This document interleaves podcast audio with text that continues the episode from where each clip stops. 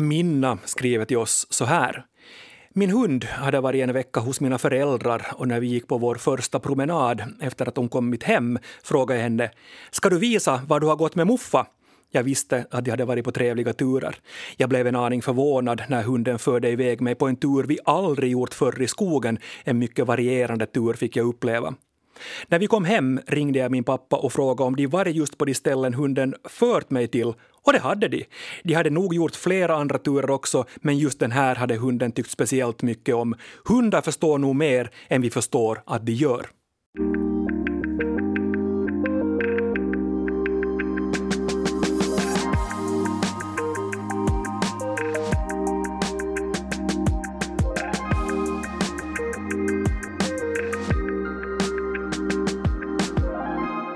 Näst sista ordet tillbaka med mig, Jens Berg, och med språkexperten Jenny Silvén. Hej. Hur många hundar har du haft i ditt liv, Jenny? Jag har haft tre. och, och, alltså två av dem när jag har varit så gammal att jag minns dem. En av dem lever ännu, numera hos mina föräldrar, och en av dem hade jag under mina tonår. Och jag kan nog säga att det, det var en det är en an anmärkningsvärd skillnad mellan okay. dem. Den hund som numera bor med mor och far är en dvärgschnauzer som är alltså remarkabelt lättfostrad. Hon har lärt sig allt direkt, väldigt lätt. Men man kan ändå inte med bästa vilja i världen anklaga henne för att vara särskilt intelligent. Alltså, superlydig och det tolkas ju av många som en viss typ av intelligens och kan cirkuskonster och, och sånt här. Mm. Men, och förstår kommandon, men hon har aldrig någonsin lyckats lista ut någonting på egen hand. Okay. Och sen har vi alltså den här, den här och, och lika oförarglig som, som den här dvärgschnauzern, lika förarglig var det en byracka jag hade när jag var 13, som var en klipsk fan som kände alltså säkert ett drygt dussin personer vid namn. Så man kunde säga att gå till den och den så ja. gick den och letade upp den. Och, och, och där fick vi nog använda en hel del kod, kodspråk om vi inte ville att den skulle mm. förstå. Och dessutom blev han alldeles till sig av glädje när man sjöng Ja må hon leva, för då visste han att det vankas fest och glädje och samvaro och godsaker. Okej, okay, inte så tråkigt. Men hur klipsk är Lyckeberg? Lyckeberg, ja, det, det är vår, vår hund. Uh, en labradoodle. Intelligent skulle jag säga. Alltså både emotionellt och sen också kognitivt intelligent. Hon, hon förstår bevisligen en massa ord kanske ändå så att jag ibland tillskriver att hon förstår mer än vad hon de facto gör. Men, men åtminstone vågar jag påstå ett tiotals ord förstår hon. Och det finns saker som vi också måste undvika för att hon blir alltså helt, helt tokig. Säger, säger vi Pargas, vi har alltså sommarstugan i Pargas, så då blir hon alltså helt sådär... Vem blir inte glad av att höra Pargas? och, och, och sen säger jag skogen, så blir hon också jätte, jätteglad för hon älskar att få springa lös i skogen. Svamp, Okay, svampskogen. Ja. ja, men när jag kombinerar de här, säger jag svampskogen i Pargas, så hon blir alltså helt sjövild. Ja. Hon blir alltså helt tokig. Svampskogen i Pargas, så då... Ja, då viftar hela hunden. hela nedre våningen viftar.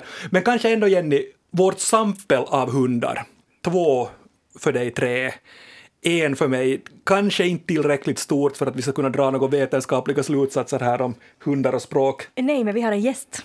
Yes, och därför är jag jätte, jätteglad att få säga välkommen till Elisa Forsman. Välkommen till nästa ordet. Tusen tack. Jätteroligt att ha dig här.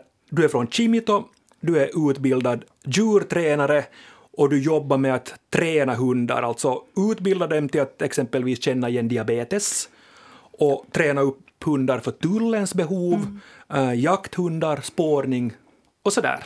Det är ungefär. Jo, uh, ska vi säga nu för tiden är jag mer fokuserad på att träna de här uh, hypohundarna som är då lämpade för uh, diabetiker. Uh, och det här, uh, det är ju liksom hundar som känner igen liksom lågt blodsocker mm. eller känner igen blodsockersvängningar. Så det här, det är nästan det som jag har gjort nu de senaste sju åren. Mm. Före det så höll jag på, hade jag liksom några, några projekt som jag skolade liksom grundskola åt tullen och, och sen assistenthundar och, och, och i den här skalan. Mm. Hur många hundar har du själv nu? Nu har jag bara tre. Bara tre? No, ja, ja, jag hade fem här liksom för dryga två månader sedan men, men där kommer liksom åldern emot mm. och, och sjukdomar tyvärr. Mm. Så det är naturligt urval. Men hundar har varit en stor del av ditt liv, hör jag. Och är. Absolut, absolut. Uh, no, min barndom, alltså, vi hade ju bara, liksom hundar hemma. sen alltså jag har varit riktigt liten. Eh, min far var en, en jägare så vi hade alltid finska stövaren. Och det här, sen när jag blev själv vuxen och flyttade hemifrån så min första prioritet var att jag skulle ha en, en egen hund. Mm. Och då, då det här blev det en labrador. Och jag har fortfarande labradorer. Ja, så det, det är den rasen du jo, har och jo, alltid haft? Alltså, den har varit liksom, äh, lämpat sig för mitt ändamål och mina hobbyn och min livsstil. Att, äh, de är, det är en mångsidig ras och man kan göra i princip vad för slag som helst med dem. Att mm. Det är endast liksom fantasin mm. och begränsar. Men när du, när du tränar upp då hypo, har hypoträning med, med, med hundarna och så där, hur, hur kommunicerar du med dem? No, egentligen så för liksom, ska vi säga en hypohund behöver äga en sån här problemlösningstankesätt. Ja. Och det förstärker vi liksom riktigt från första början. Mm. Att eh, för en hypohund jobbar med nosen och liksom, det är ju doften som blir signalen för Exakt. den att fungera. Ja. Så det här, uh, vi försöker att inte um, liksom i de där doftarbetena använda så mycket kommando. Men visserligen så innebär det ju mycket annat i den träningen som det behövs, behövs kommunikation mm. och uh, kommandon och, och för en hypohund ska ju också vara så här samhällsduglig som kräver också sen en, en hel del liksom skolning med, med tanke på lydnad och, och sånt här. Men hur, vilka är dina iakttagelser kring hur mycket av mänskligt språk hundarna förstår? Alltså de förstår ju helt massor. Och det här är ju också ett problem. För när vi försöker träna våra hundar att inte liksom snappa upp ord och kommandon så ja, familjerna de får hitta på kodspråk för att liksom inte hunden ska veta att det är fråga om träning och faktiskt koncentrera sig på att inte de gör något uh, varje gång som de ska träna till exempel att uh, de gör en viss sak alltid på samma vis, att de får faktiskt fundera på de här rutinerna och söndra de där rutinerna för att göra det liksom så möjligt som, helst, som, så möjligt som helst för att inte hundarna ska liksom få det som signaler till att de vet att det är fråga om. Varför får de inte få de signalerna? Uh, I vissa, liksom om vi tänker på det här att, att, uh, att hunden ska lära sig till att ta doften att fungera spontant. Så, det här, så då vill vi ju inte att där är människor som är involverade utan då ska hunden själv tänka liksom att ah, det här kommer den där doften och då behöver jag liksom mm. reagera. Mm. Och vad är det ni vill att hunden ska göra när den känner doften av lågt blodsocker? Det beror lite på diabetikern. Att, uh, också hunden förstås. Att, uh, vissa har att uh, hunden ska dutta med nosen på något visst ställe på låret eller vid knä eller på handen eller något sådana ställen. Och det här... Det beror lite på hur stor diabetikern är. Att mm. vilket markeringssätt man väljer då. Och markering är det att liksom hunden påminner diabetikern att hej, nu är blodsockret på den nivån att nu är det dags för dig att mäta blodsockervärde. Och är det också, vill man då att hunden ska interagera med, med personen som har diabetes eller vill man att den ska gå och väcka en förälder till exempel? Det där är, är lite beroende på hur gammal diabetikern är. Att, eh, som små barn till exempel så de vaknar ju inte av att blodsockret Nej. går lågt eller att hunden markerar. Utan då, då, då, då är det nog skäl att hunden liksom far till föräldrarna och markerar då på nätterna. Vi ska ta in publiken här också. Du får jättegärna, Elisa, kommentera och, och Jenny förstås också om jag, om jag läser upp några publikkommentarer. Vi ställde en fråga när ditt husdjur överraskar dig. Vilka saker har ditt husdjur förstått som har överraskat dig? Och då är vi inne på, på språk igen här. Regina skriver “Mina förra labradorer älskade mat, som alla labbisar gör. Deras mat var i blöt och de fick vänta på att få äta. Jag stod i köket och var upptagen med annat, så jag ropade ”Husse, du får ge mat åt dem idag, jag hinner inte” och genast jag sa det så rusade de båda till husse i vardagsrummet ivrigt viftande på svansen som de vill säga honom ”Hörde du? Hörde du vad hon sa? Det är du som ska ge oss mat idag” och de bara stirrar på varandra. Det är ganska coolt. det där är ganska vardagligt tror jag i hundhushåll. Mm. Mat är en ganska stark motiv motiverande Absolut. faktor för att man plötsligt ska förstå. Absolut.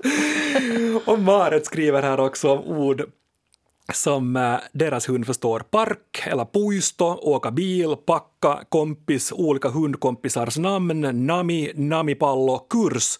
Jag pratar väldigt mycket med min hund och ibland verkar hon förstå hela meningar, till exempel i skogen när jag ber henne gå en viss väg för att komma fram. Så hon är inne på hela meningar här, inte bara mm. enstaka ord. Mm. Ja. Mm. Och Katja skriver här, hundparken lärde sig min hund snabbt då det var ett vanligt promenadmål, så vi vände på det till pandhurken om vi inte ville ha cirkus då vi diskuterade vart vi tänkte oss. Men det avkodade hon rätt fort också när de började prata om pandhurken. Jag har, jag har en bekant som vars morföräldrar på tidigt 80-tal hade en tax som hatade ekorrar. Den blev liksom helt rabiat när den, när den sov eller hade någonting att göra ja. med ekorrar. Alltså faktiskt så till den grad att den blev ursinnig när nyheterna handlade om Kekkonen.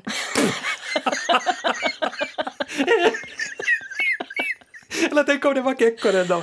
Det tyckte bara inte om frisyren. Jag projicerade på Kekkonen. ja. Och Karina skriver här också. Min kära hund Enzo förstod massor. Ordet kappsäck gjorde honom deppig. Villan sen igen sommarstugan, då visste han att nu ska vi åka, åka båt. Och det där är ju intressant också med ord som, som gör hunden, hunden deppig. Mm. Ja. Åka båt det brukar ju annars vara något som hundar gillar. Mm. Både fenomenet och följaktligen orden. Mm, ja. Fast där var det kappsäcken som, som tyckte att då visste... Ja, det, då blev hunden ledsen. Då blev hunden jätteledsen. Och Yvonne skriver här om ordet dammsuga. Vår Lagotto blir galen om man talar om att man måste dammsuga, fast ordet nämns mitt i en mening utan att betona det på något sätt. Hon skäller också hela tiden vid dammsugar. Därför har vi nog lite dammigt här hos oss också, skriver Yvonne. Dammsugaren, ja. Men ännu, ännu dig, Lisa, när, när du utbildade dig till djurtränare, hur mycket teori läste ni om kommunikation med, med hunden, alltså i olika, i olika former? Det här, eh, då på den tiden när jag utbildade mig till djurtränare så eh, det var 2011 som jag gjorde djurtränaryrkesexamen. Så det här, då Eh, fanns det egentligen inte så mycket skolning. Och ja, litteratur fanns, men det är också liksom mest på engelska. Så det här, eh, allt det här med hund och vetenskap och forskning, så det har ju gått hojsigt mycket framåt liksom under de här senaste åren. Så det här... Uh, Jo, det ingick och det går, ingår ju också i examensgrunden att man ska ha liksom kunskap om, om art och rastypiskt beteende och, och vilket som är en jätteviktig sak. Så det här... Uh, och hur man kommunicerar med, med hundar och andra djur. Mm. Så det här det är en viktig del, absolut. Och det är precis som du säger, det har hänt massor inom, inom det här området och nu ska vi gå igenom några grejer som på riktigt är jättehäftiga i, i, inom forskningen.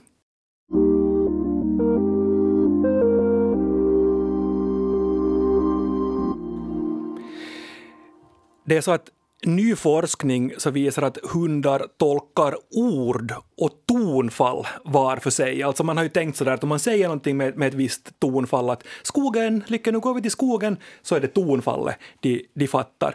Men, men nu visar nya studier att uh, hundar drar slutsatser om, om ord på samma sätt som vi människor gör. Och, och det här är jättespännande, för att det var några, några forskare från eh, Etvös Lorand universitetet i Budapest i, i Ungern som kom med den här, med den här upptäckten. Och de, de gjorde på, på det sättet att de, först så tränade de hundarna att ligga helt stilla och sen kopplade de in dem i en magnetkamera och så undersökte de hur hjärnan funkar när deras matte eller husse sa ord med neutral röst och sen sa de samma ord med, med glad röst. Och, och det här var jättespännande för att de här bilderna sen från den här magnetkameran så visar att hundarnas hjärna så analyserar informationen ungefär på samma sätt som vi människor gör. Ordens betydelse i vänstra hjärnhalvan och tonfallet i det högra. Och, och, och, det som var spännande också, som de la märke till, att, att när, när Husse eller Matte sa ett främmande ord, alltså ett ord som inte de brukar, brukar använda, så då reagerade hunden ännu kraftigare och de tolkade på det sättet att nu försökte den göra den här kopplingen och den försökte på riktigt förstå mm. för att göra Husse, Husse och Matte, Matte glad.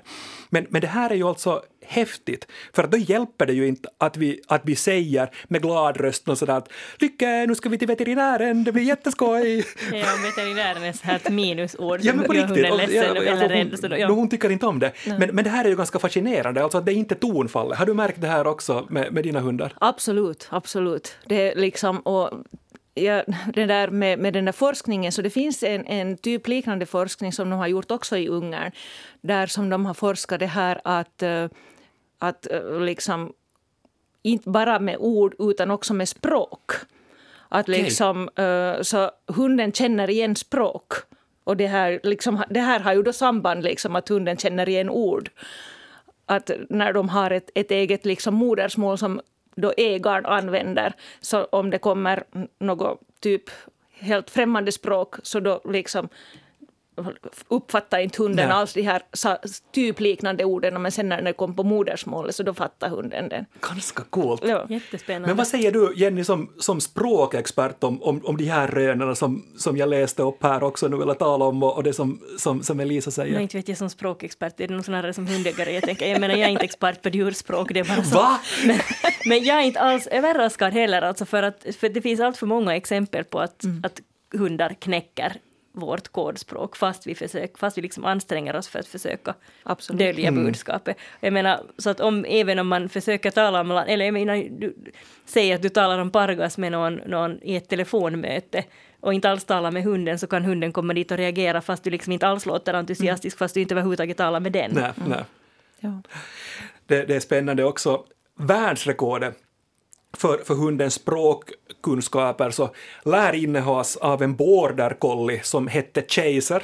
Du, mm. du nickade också, hört ja, om, absolut, ja. om, om, den ja. Och det var en amerikansk professor som hette John Piley, John W. Piley. Han hade lärt den här border collien Chasey namnet på 1022 föremål. Mm. Alltså över 1022 föremål så kände den här jycken, jycken till. Och sen är väl border collien anses ju vara en av de liksom bästa arbets hundarna just för att den är så oerhört lyhörd och intelligent. Och, och, sen ska man inte ha en sån om inte man tänker sätta den i hårt arbete, för annars får man problem. ja, för att det, det, som, det som också om den här, om den här Chaser så, som, eh, som de gjorde, gjorde test med, den fattade också det här som vi var inne på tidigare, hela meningar, att, att man kan koppla ihop saker, att nu ska du hämta frisbeen eller bara röra vid, vid frisbeen och den här, den här visste skillnad. Och, och den här professorn då, Piley, så menar att de här verbala instruktionerna som han kunde ge hunden så, så visar att den var ungefär lika skicklig som en två till treårig människa i sin, i sin utveckling att kunna uppfatta, mm. uppfatta kommandon och språk. Och sen tror jag faktiskt inte att jag gör min egen, den här lite korkade schnauzern, särskilt stor rättvisa när jag jämför den med den här svart, smarta byrackan. För att min byracka var då liksom till största delen irländsk setter och den är en, en jakthund. Jakthundar det, det som gör en bra jakthund är ju också det här att man kan fatta självständigt, att hunden kan mm. fatta självständiga beslut. Ibland till ägarens förtret, i synnerhet som vi då alltså inte jagar med den här hunden. För den kunde liksom spåra upp vem som helst och vi brukar ha marsvinen springa lös på land eftersom det inte finns rev där. Mm. Och på kvällen när det var dags att gå in så sa vi åt hunden att det skulle leta rätt på dem och det gjorde den. Sen stannade den och visade ja. här och så var det bara att gå och samla in dem. Men den här schnauzern är råttjägare, den jagar bara med ögonen. Mm. Så att jag till exempel gick en svampkurs med den, för jag tänkte det här skulle vara roligt att jag lär mm. hunden hitta svamp, och den, den begrep ingenting. Den var alltså intresserad av godis, jag har lyckats lära den en massa saker, men det här att man kan använda näsan till att leta upp saker med, ja. så det fanns inte i dens värld. Nej. Och, och, och, sen sägs det ju också att blandrashundar är intelligenta och jag tror ju faktiskt att det beror på att de flesta byrackor är ju ett resultat av att båda föräldrarna har varit klipska nog att lyckas rymma när de känner sig pilska. Så det har liksom krävts ett genetiskt urval för att de överhuvudtaget ska kunna bli till. Du kanske har så rätt. men, men, vi, vi, var inne på det här med, med, med skillnader på, på raser och sen skillnader på, på individer. Hur mycket ser du, Elisa, av det som har, har, har tränat tiotals hundar? Hur stor skillnad det är på, på individer? Oj, oj. Alltså, enormt stor skillnad. Just så här som Jenny, Jenny säger här, så det här... Uh, vi har ju så enkelt alltid att jämföra, men, men det är nog liksom en viktig sak också till att ta hunden som en individ och se liksom dens liksom starka sidor och egenskaper. Mm. Och också se liksom att vad den där hunden liksom njuter av. Det som är, är intressant också att följa med så att, att den här de här studierna vi var, vi var inne på här också om mänskligt språk får kritik av en, av en falang också som tycker att, att nu utgår vi från mänskliga egenskaper och vi förmänskligar hundarna och, och djuren, att man borde istället utgå från, från djurens egna förutsättningar, liksom deras eget språk och hur de, hur de har det. Det är bland annat en, en, en filosof som heter Eva Meyer från äh, Nederländerna som, som gav ut boken Djurens språk, där hon kritiserar de här studierna som jag återgav här, här mm. också. Och, och, hon är då mera inne på det där att vi ska sluta liksom tänka att, att nu ska hundarna förstå oss människor. Och sen, jag läste en bok som heter Are we smart enough to know how smart animals are? läste jag för några år sedan av en nederländsk eh, psykolog, primatolog, det vill säga apforskare och etolog, det vill säga en som forskar i djurs beteende. Han heter Frans de Waal. Och, och, han kritiserar också våra mätinstrument och metoder, för han tycker att de är alltför antropocentriska. Och antropocentriska betyder alltså att man utgår ifrån människan. Ja, så det är samma och människans som, ja, intelligens och, och, och sen också det här med antropomorfism, det vill säga att man, man tillskriver djuren egenskaper utifrån yeah. mm. människans yeah. sätt att fungera. Och, och då menar han just det där att, att vi missar andra typer av intelligens, till exempel bläckfiskens som har förmågor som forskningen först nu börjar få upp ögonen för, att den har liksom järnliknande celler mer eller mindre över hela kroppen mm. och jättemycket yeah. i tentaklerna. Yeah. Och det förklarar liksom dess fingerfärdighet, men också det att den, den kan de kan byta färg blixtsnabbt och, och den här typen av att man uppfattar vad omgivningen kräver, vad som krävs för att den ska... Mm. Alltså blixtsnabba beslut och sånt som bläckfiskar lär kunna göra. Yeah. Men nu är det här en språkpodd och eftersom vi nu alltså utgår, vi, vi utgår nu i det här avsnittet utgår vi från hur smarta djur är när det gäller att lista ut vad vi människor menar med de här mm. orden och uttrycken mm. vi använder. Så därför tycker jag att vi här nu får vara just precis så antropocentriska vi vill. Ja. Och därför handlar det ju också framför allt om våra vanligaste sällskapsdjur eftersom, mm. jag menar, hur många bläckfiskar interagerar jättemycket med folk, utan nu talar vi just precis som om, om hundar, ja. katter, mm. eventuellt hästar, men liksom det här ja. att... Det, det som jag mm. tänkt äh, säga där om, om den här forskningen och om liksom man forskar i vad, vad, vad hunden uppfattar och vilka delar av hjärnan som, som är aktiva när den hör något vissa ord, så det är väl bara någonting som hämtar också bra saker med sig. Att vi, vi kanske kan utnyttja den där forskningen sen till, till någonting. Mm. Men ändå komma ihåg det där att fokusera också på art och rastypiska beteenden. Men ändå kunna använda den här faktan till, till, till nytta i, i vardagen och, och liksom konstatera det att, mm. att hundar förstår en hel massa mer än vad vi vågar ens tänka oss. Ja, och de kommunicerar på sitt sätt och vi har nu det här språket. Mm. Det är liksom det, det ja. vi gör. Ja. Precis. Och här är, här är en spännande grej också på, på tal om det vad, vad, en, vad en hund förstår och inte förstår, så det är tidsuppfattningen. Kan de begripa alltså någonting som inte sker bums? Vi ska ta några publikkommentarer här ännu så får du, så får du kommentera. Elisa Jessica skriver Vad är klockan? När hon säger det. Då är mina hundar övertygade om att det blir mat. Man ska också vara försiktig med vem kommer, fast det är mitt i en mening. Min, min byrackapelle sprang skällande till dörren när pappa sa att nu kommer regnet. och hör på det här Maria. Uh, hon, hon, säger så här, du väntar ännu tio minuter, matte dricker ännu kaffe innan vi går ut och då kommer hon om tio minuter och frågar igen. Mm. Alltså hur är det här med tidsuppfattning och, och hundar, har de en sån? Uh, delvis har de nog säkert det. Men mm, kanske mera har de också det att uh, de tolkar oss så mycket vårt kroppsspråk också. Att det kanske räcker med att hon sätter en tom kaffekopp ner. Så då vet den att okej, okay, nu, nu är det dags att, att Mm. att fara ut. Och de kan höra på ljudet nu den här koppen är tom. Jo, jo, jo. Eller att man suckar på något. Oh, Okej, okay, no, nu är jag färdig, nu går mm, jag. Mm, Men uh, det finns också en forskning om det där att kan, kan uh, hundar liksom när när hundar sitter och väntar när husse och matte kommer hem från jobb till exempel och de sitter och väntar vid, vid fönstret och tittar när, när de anländer. Så uh, den, den liksom säger att det är liksom doftmolekylerna som minskar i hushållet som hunden liksom känner på att när den börjar minska så det betyder det att sakta mak kommer husse och matte hem. Intressant. Ja, nu har de det, varit borta säger, så länge som de ja, brukar vara ja, borta. Häftigt. Att det har liksom hunden liksom kopplat att när doften minskar så då betyder det att sakta mak börjar de komma hem. Det är ju alltså helt otroligt intressant. Ja, ja. Men sen vet vi ju det också att de är, de är på något sätt vanedjur, att de vet Absolut. att vi har till exempel vårlycke också, så när klockan är ungefär en sådär halv fyra på eftermiddagen så då sätter sig på ett mm. visst ställe och börjar titta i fönstret för då vet den att ja. okej, okay, ja. kanske kommer matte nu eller kommer kanske någon av ungdomarna hem. Man kan nästan ställa klockan ja. efter, efter det. Men hörni, vi har en, en sak kvar ännu som jag tänkte utsätta er för om ni är, om ni är med. Vi har fått in många kommentarer av, av publiken och, och jag har försökt göra en, en lite populärvetenskaplig Uh, utredning här kring vilket är det ord som flest finlandssvenska hundar förstår. Och det här är näst sista ordets bidrag till forskningen kring kommunikation och hundar. Och och utifrån de här publiksvaren och kanske delvis också utifrån det jag har upplevt själv så är det ett ord som används oftast här i de här kommentarerna. Kan ni, kan ni gissa, kan ni härleda vilket ord är det som förstås av flest hundar i Svenskfinland? Nu ska jag inte säga det högt, men jag säger MAT.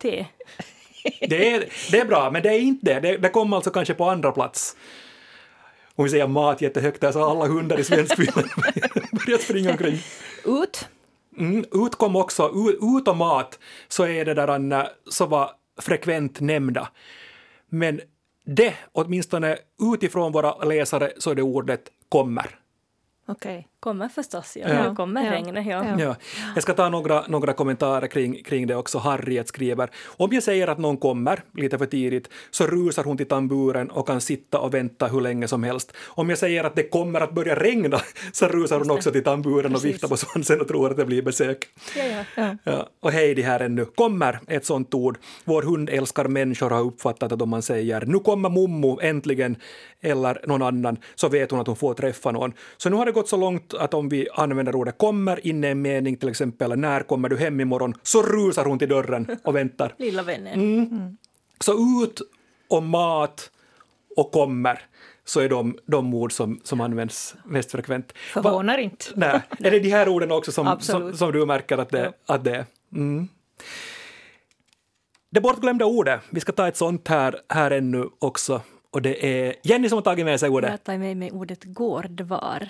Gårdvar? Gårdvar. Det är alltså, gårdvaren är någon som håller vakt om en gård. Och med gårdvar har man alltså menat vakter eller hustomtar, men numera menar man nästan, i den mån som det här ordet fortfarande används, menar man i allmänhet en vakthund. Okej, mm. intressant. Och det finns skriftliga belägg för det här ordet, åtminstone från 1600-talet, men det anses komma från fornsvenskans gardhvari, Eh, där alltså varder betyder vaktmanskap, men att en, en bra hund ersätter ju lätt ett helt gäng med vakter. Mm. Uh, gårdvar har faktiskt också, jag har sett det någonstans användas lite skämtsamt om en målvakt. Okay. Ah, okay. Så att alldeles bortglömt verkar det här ordet inte vara. Nej. Men jag tycker det är ett ärevördigt gammalt ord för ett viktigt hundämbete. Absolut. Det är ett jättefint ord. Men jag börjar fundera på det där också, att kan, det, kan finskans Vartija komma, från, komma, komma ja. därifrån. Månne inte. Eller, mm. det låter sannolikt. Det låter sannolikt. Men Nej, så är det. Helt möjligt, ja. Häftigt. Det blev mycket, mycket hundar. Vi har fått in en hel del kommentarer om andra, andra djur också. Vi har fått in om marsviner och vi har fått in om katter experter som har, har begripit en massa, massa grejer också. Men i och med att vi hade Elisa med oss här och i och med att de flesta kommentarer så handlar om hundar, så vi fokuserar på hundar. Det kan hända att vi får återkomma till marsvin, vi får återkomma till katter och bläckfiskar ville du ha. Nej, inte om språk, men jag tycker att de är spännande och intelligenta djur. Ja, och sen schimpanser har vi inte talat om heller, och inte om delfiner som, som lär vara Eller gorillan Koko som, kun, som lärde sig amerikanskt teckenspråk och, och vara ganska produktiv Mm. själv. Absolut. Ja. Men det får bli en annan historia. Tusen tack Elisa Forsman för att du besökte oss idag. Det var jätte- jätteroligt att ha dig här. Tack för min del. Och tack också för alla kommentarer om husdjur och språk. Fortsätt gärna att skriva till oss. Adressen den är näst sista ordet at yle.fi. Påminn oss om ett bortglömt ord eller tipsa om ett ämne du tycker att vi kunde ta upp här. Men nu för denna gången säger Jenny och Jens Morgens!